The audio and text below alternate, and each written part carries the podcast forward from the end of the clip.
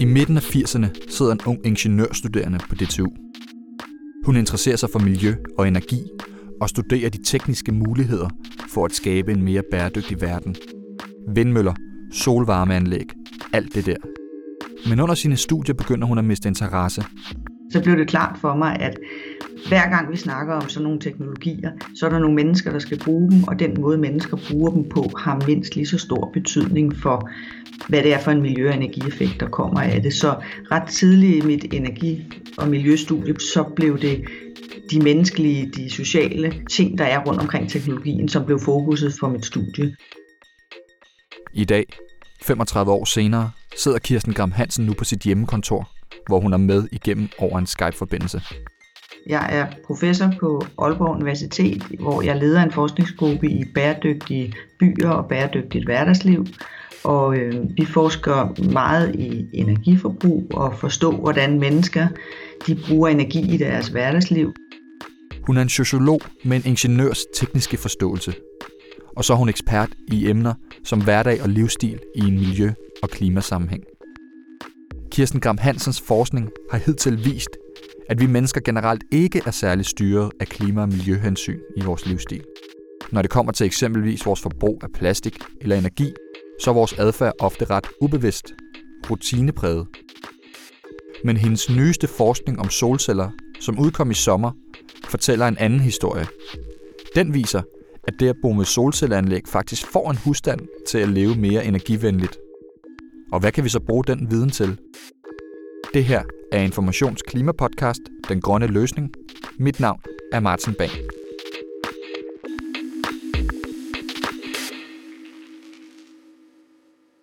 Kirsten, hvornår begyndte du at interessere dig for menneskers adfærd og livsstil i et klimaperspektiv? Ja, altså jeg har interesseret mig for energi og miljø, siden jeg var helt ung tilbage i 80'erne, og det var en del af baggrunden for, at jeg valgte at læse til ingeniør på DTU. Men ret hurtigt i mit studie, hvor jeg arbejdede med øh, energiforsyning, vedvarende energi og, og andre typer af miljøteknologi og energiteknologi, og så blev det klart for mig, at hver gang vi snakker om sådan nogle teknologier, så er der nogle mennesker, der skal bruge dem, og den måde mennesker bruger dem på, har mindst lige så stor betydning for, hvad det er for en miljø- og energieffekt, der kommer af det. Så ret tidligt i mit energi- og miljøstudie på DTU, så blev det de menneskelige, de sociale ting, der er rundt omkring teknologien, som blev fokuset for mit, for mit studie, og som også er det, der har fyldt hele mit forskningsliv siden. Hvad er samspillet med de hverdagsteknologier, som vi omgiver os med, som har stor betydning for, hvad det er for en, en måde, vi lever vores hverdagsliv. Så jeg har hele tiden samspillet mellem det materielle og de sociale og hverdagspraksiser øh, som, som kernen i, i min forskning. Hvad har din forskning generelt vist om danskernes hverdagspraksis i sådan en grøn sammenhæng? Altså energiforbrug i husstanden, affaldssortering, transportvaner. Hvad viser din forskning overordnet set?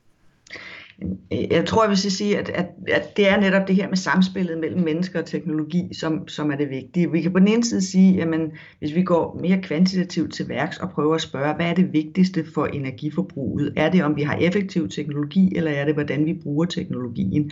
Og der viser vores forskning, at jamen, det er lige vigtigt begge dele. Effektiv teknologi er en del af at, at sige, hvorfor bruger nogen mindre eller nogen mere. Øh, men den måde, vi bruger teknologien på, er mindst lige så vigtig. Så det er den ene del af, hvad vores forskning siger. Men nok så vigtigt, så siger den også, at der er en sammenhæng mellem det, som vi skal være opmærksom på.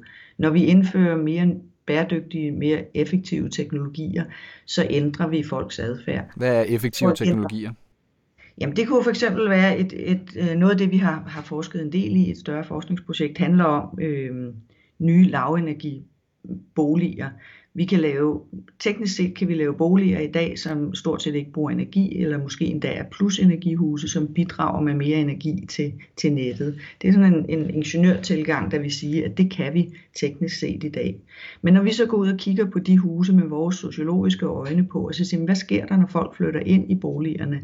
Er det så et lavenergi eller et plusenergihus? Nej, det er det typisk ikke, fordi husene viser sig at bruge mere energi, end de på papiret skulle. Og man kan sige, at det, der sker, det er sådan det omvendte af det, vi ser i, i gamle huse, som på papiret er ineffektive. Men når folk bor i et gammelt, utæt hus, så tager de typisk på nogle punkter er det lidt lavpraktisk, det jeg siger nu, men så tager de typisk uldne sokker og en uldne sweater og hjemmesko på, og så har man ikke 22 grader i hele huset. Man nøjes med at varme de rum op, som man er mest i, og man tager et tæppe på, mens man ser fjernsyn. Så vi tilpasser os den type bolig, vi bor i. Og omvendt så ser vi i de nye lavenergihuse, at folk har meget højere temperaturer, end, end man forventer, at man har. Og det betyder, at husene bruger mere energi. Så det vi ser, det er, at teknologien får mennesker til at ændre adfærd. Vi siger tit, at det er svært at få folk til at ændre adfærd, men, men omvendt kan vi jo sige, at, at vi kan se historisk, at vi ændrer adfærd hele tiden. Og det gør vi ikke fordi vi er enormt bevidste om, at nu skal vi gå ind og ændre adfærd, men vi ændrer adfærd, fordi vi får nogle nye teknologier, nogle nye strukturer, materielt, organisatorisk, socialt omkring os, og det skubber vores normer og vores vaner og vores adfærd i en anden retning. Som for eksempel det her med, jamen vi vender os til, at det er varmere indendørs, så vi har mindre tøj på indendørs nu, end vi havde tidligere. Mm. Og den besparelse, som der så kunne være i de mere effektive huse, den bliver omsat til øget komfort i stedet for.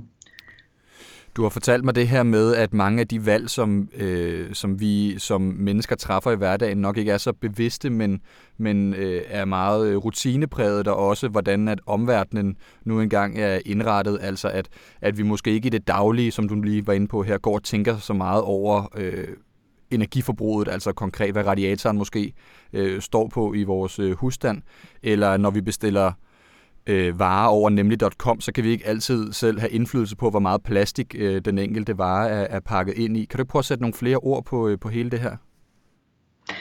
Jo, altså vi kunne tage det helt simpelt og så sige, du og jeg, vi sidder og bruger energi lige nu. Øhm, vi har tændt for computer, vi har tændt for lys, og du skal have dit optageudstyr til at køre. Alt det her kræver energi. Men der er ikke nogen af os to, håber jeg, der fokuserer på, at vi er i gang med at bruge energi. Vi, håber, vi, vi, vi prøver at fokusere på at få et interview, som er meningsfuldt ud af det. Og sådan er det hver gang, vi bruger energi. Så bruger vi energi, fordi vi er i gang med noget andet, som giver mening for os. Vi er i gang med at lave måltid til, til vores børn, til vores familie, til vores gæster, og vi fokuserer på det mad, vi gerne vil sætte på bordet. Eller vi er i gang med noget andet. Vi ser en god film, og mens vi ser en god film, så bruger vi energi, og vi fokuserer ikke på energien. Og vores liv vil jo også være, man kan sige, øh, mærkeligt, hvis vi hele tiden fokuserede på den energi, vi går og bruger. Så man kan sige, at vi har jo indrettet et samfund så bekvemt og nemt, at vi kan trække energi ud af stikkontakterne, uden at vi behøver at tænke over det. Og langt det meste af vores forbrug, ressourceforbrug, energiforbrug af alle typer, det foregår på denne her måde, rutinemæssigt, hvor det sker, uden at vi er bevidste om det. Det er ikke det samme som, at det ikke forandrer sig over tid, fordi det forandrer sig jo rigtig meget. Øhm, og politisk halter vi nogle gange bagud. Altså da jeg startede på at, at arbejde med de her ting, så var vi meget fokus på, at vi skulle have mere effektive køleskabe. Og vi har fået rigtig meget mere effektive køleskabe. Køleskabe er ikke et stort issue i, i dag i det samlede husstands elforbrug. Men det er altså til gengæld alle de computer og apparater og øh, større tv-skærme, vi har. Så mens vi prøver at lave politik på et område og effektivisere det, så breder vores forbrug sig, vores, så ændrer vores praksis også på nogle andre områder, så vi får stadig mere forbrug der. Nu siger du lige det her med, at det ikke er bevidste forbrugere, der kommer til at forandre øh, verden. Vi taler jo ellers meget i den offentlige debat omkring en mere øh, bæredygtig livsstil, altså at måske at tage cyklen på arbejde, hvis man kan, og spise mindre kød i det daglige, og skære ned på antallet af årlige flyture osv. Men det du siger, betyder det egentlig, at vi måske skal droppe tanken om at få folk til at spise mindre kød og flyve mindre, fordi det simpelthen ikke øh, virker på os? Altså man siger, slutresultatet skal gerne være, at vi spiser mindre kød og flyver mindre og tager cyklen noget mere. Men spørgsmålet er, hvordan vi kommer derhen til. Og jeg vil sige, min forskning, og ikke kun min, men der er øh, mange andre, der arbejder med den samme tilgang, vil sige, jamen vi når ikke derhen til ved at appellere med kampagner til den individuelle forbruger ved at få os bevidstgjort om, hvorfor det er vigtigt, eller ved at lave moralske øh, man skal sige, ja, kampagne, kampagne om, du bør gøre noget andet. Øh, fordi det her netop er styret altså de store forandringer i vores livsstile, de sker på nogle andre måder. Øhm, så, så jeg siger ikke, at vi ikke skal holde op med at spise bøffer og flyve langt. Øh, jeg siger, at målet for at nå derhen handler om noget andet. Hvis vi vil have folk til at lade være med at flyve på, øh, på sommerferie hvert år, så kan det handle om at få tognettet til at fungere bedre. Øhm, altså, hvis man rejser med tog rundt i Europa, det er altså virkelig, virkelig besværligt. Øh, for ikke så mange år siden, der kunne jeg komme til møder eller andre ting i Bruxelles med et nattog. Det kan jeg ikke nu. Det var faktisk meget komfortabelt at lægge sig ind og sove i et nattog om aftenen og så vågne op øh, næste morgen. Så hvis man vil have folk til at tage tog frem for fly, jamen så handler det jo om at lave nogle politikker, der gør det attraktivt at tage toget, frem for at lave en masse kampagner de to ting hænger jo sammen. Vi får heller ikke nogen politikere, der går ind for det her, hvis vi ikke har en befolkning, der stiller krav om det. Så befolkningen skal jo hele tiden være med for, at vi får politikere, der laver politik på det her område. Men politikken skal altså ikke handle om, at vi skal moralisere over for den enkelte. Mm. Vi må godt sige, hvad er den rigtige, og det er der, selvfølgelig skal det, skal det ikke være en hemmelighed, at det er bedre at cykle på arbejde, men hvis vi har indrettet vores samfund, sådan, så det stort set ikke er muligt for folk at cykle på arbejde, så kan vi jo ikke begynde at sige til folk, at det er heller ikke bæredygtigt, det du gør, fordi altså, hvis vi forlanger, at folk de skal tage det arbejde, de kan få, og det ligger 50 km væk, så kan man jo ikke cykle på arbejde. Så hvordan laver vi boligpolitik, arbejdspolitik, der understøtter korte afstande? Hvordan laver vi transportpolitik, der gør det muligt at tage offentlig transport eller tog frem for fly?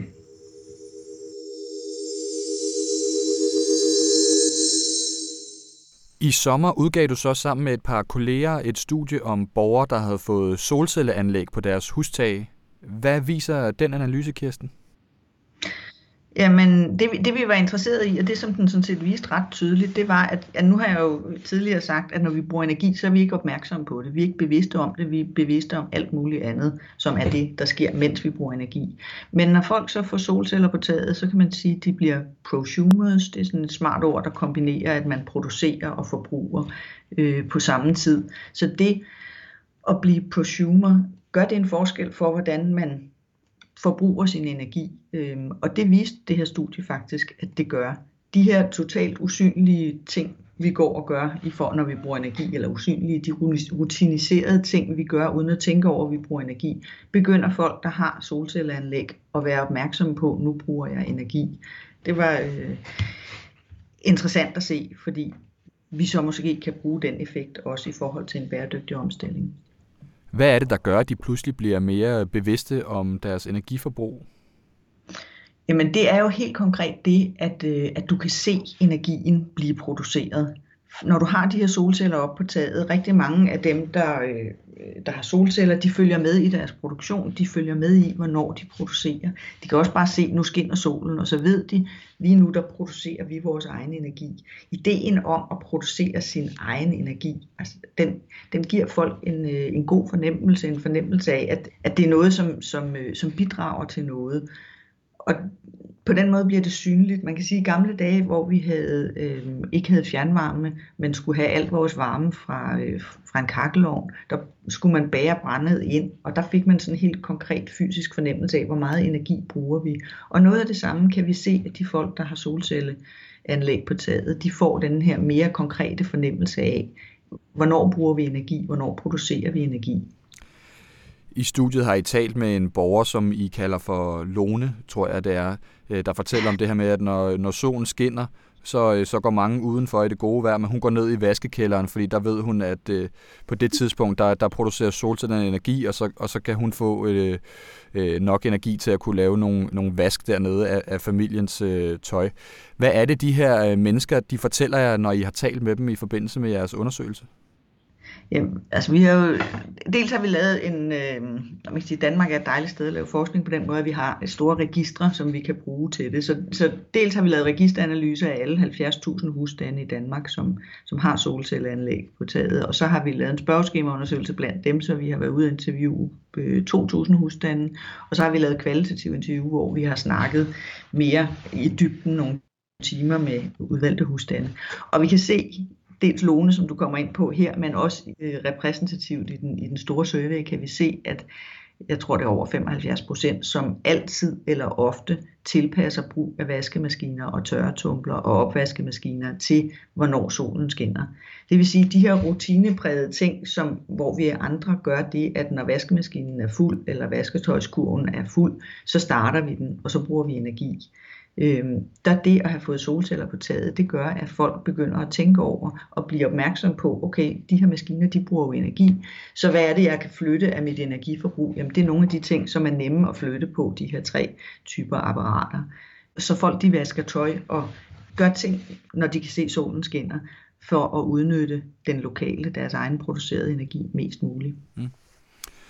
I skriver i studiet, at indflydelsen fra solceller øh, måske kan smitte af på andre praksiser i hjemmet, øh, og der måske er potentiale for en snibboldseffekt. Øh, hvad betyder det, og hvad kunne det eksempelvis være? Dels er det det helt konkrete, at øh, vi har brug for en, en bæredygtig omstilling af vores energisystem i Danmark. Vi skal have 100% vedvarende energi om få år, og vedvarende energi den er der, når solen skinner og vinden blæser. Det vil sige, at i perioder i Danmark, så har vi alt for meget energi, og i perioder har vi for lidt energi. Så kan vi få folk til at flytte rundt på deres forbrug, så er det utrolig vigtigt for en bæredygtig omstilling. Og det er enormt svært at forstå. Øh, måske har folk efterhånden forstået, at det er vigtigt at spare på energien. Vi er bare ikke særlig bevidste om det. Men nu skal vi så have folk til at gøre noget endnu mere besværligt. Vi skal have folk til at flytte rundt på deres forbrug. Så man kan sige, at de her små, på papiret ser det jo småt ud, at folk de begynder at vaske op på andre tidspunkter og gøre nogle ting.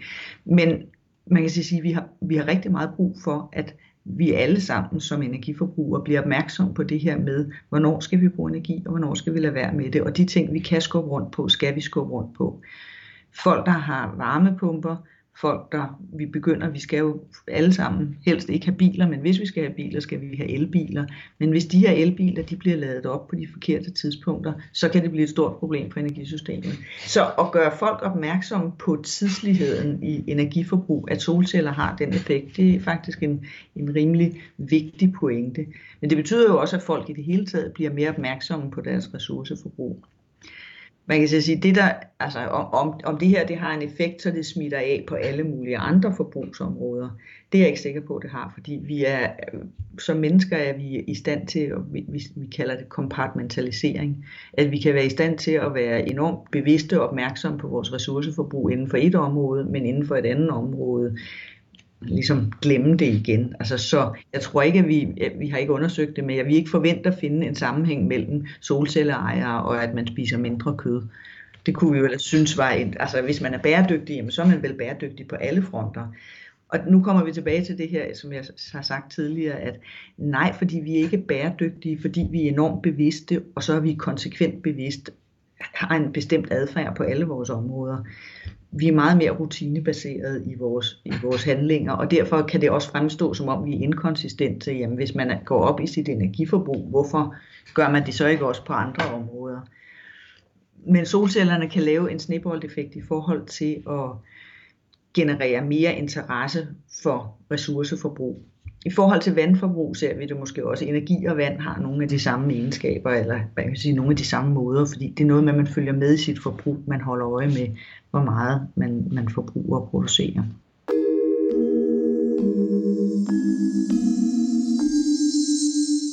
Hvad kan vi ellers bruge øh, din forskning til i forhold til generelt at gøre folk mere klima- bæredygtighedsbevidste om deres hverdagsrutiner, adfærd og livsstil? Jamen, jeg tror på, at, at øh, jeg tror på, at vi skal snakke om politisk, at ja, vi skal som individer være med på at være interesseret i den bæredygtige omstilling, men vi skal heller ikke lægge ansvaret over på den enkelte.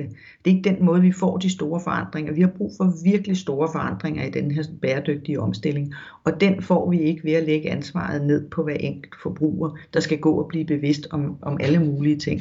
Det får vi ved, at vi laver nogle større forandringer i vores samfund, som understøtter og gør det nemt for forbrugerne. Vi ved jo, man kan sige, fra det sidste valg, vi havde i Danmark, vi ved, at danskerne sådan set er interesserede i den bæredygtige omstilling. Vi vil gerne det her, men det er ikke det samme som, at vi ved det, eller at vi kan det på den måde, at vi hver især kan tage beslutninger om at lægge vores liv helt om.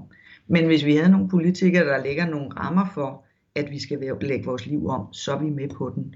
Og det kan, det kan den her type forskning måske bidrage til at sige til politikerne, jamen I bliver nødt til at tænke, at forbrugerne skal med. Vi kan ikke klare det her alene med en teknologisk løsning. Vi kan ikke alene sige, at vi laver effektive teknologier, eller vi laver bæredygtig teknologi. Der viser vores forskning jo klart, at vi bliver nødt til at have menneskerne med i den og menneskerne bliver nødt til at forstå, hvad det er for en rolle, de skal spille i det. Men vi kan heller ikke omvendt lægge hele ansvaret over på, at vi som individer skal lave alle de her forandringer. Vi skal lave de forandringer i samspil med, at der bliver truffet nogle gode beslutninger om infrastruktur, forsyning og teknologi. Kirsten Gram Hansen, tak fordi du vil være med. Selv tak. Og tak til dig, der lyttede med. Ugens afsnit var klippet af Anne Pilegaard, og med i redaktionen er også Louise Drivsholm og Anton Geist. Vi lyttes ved.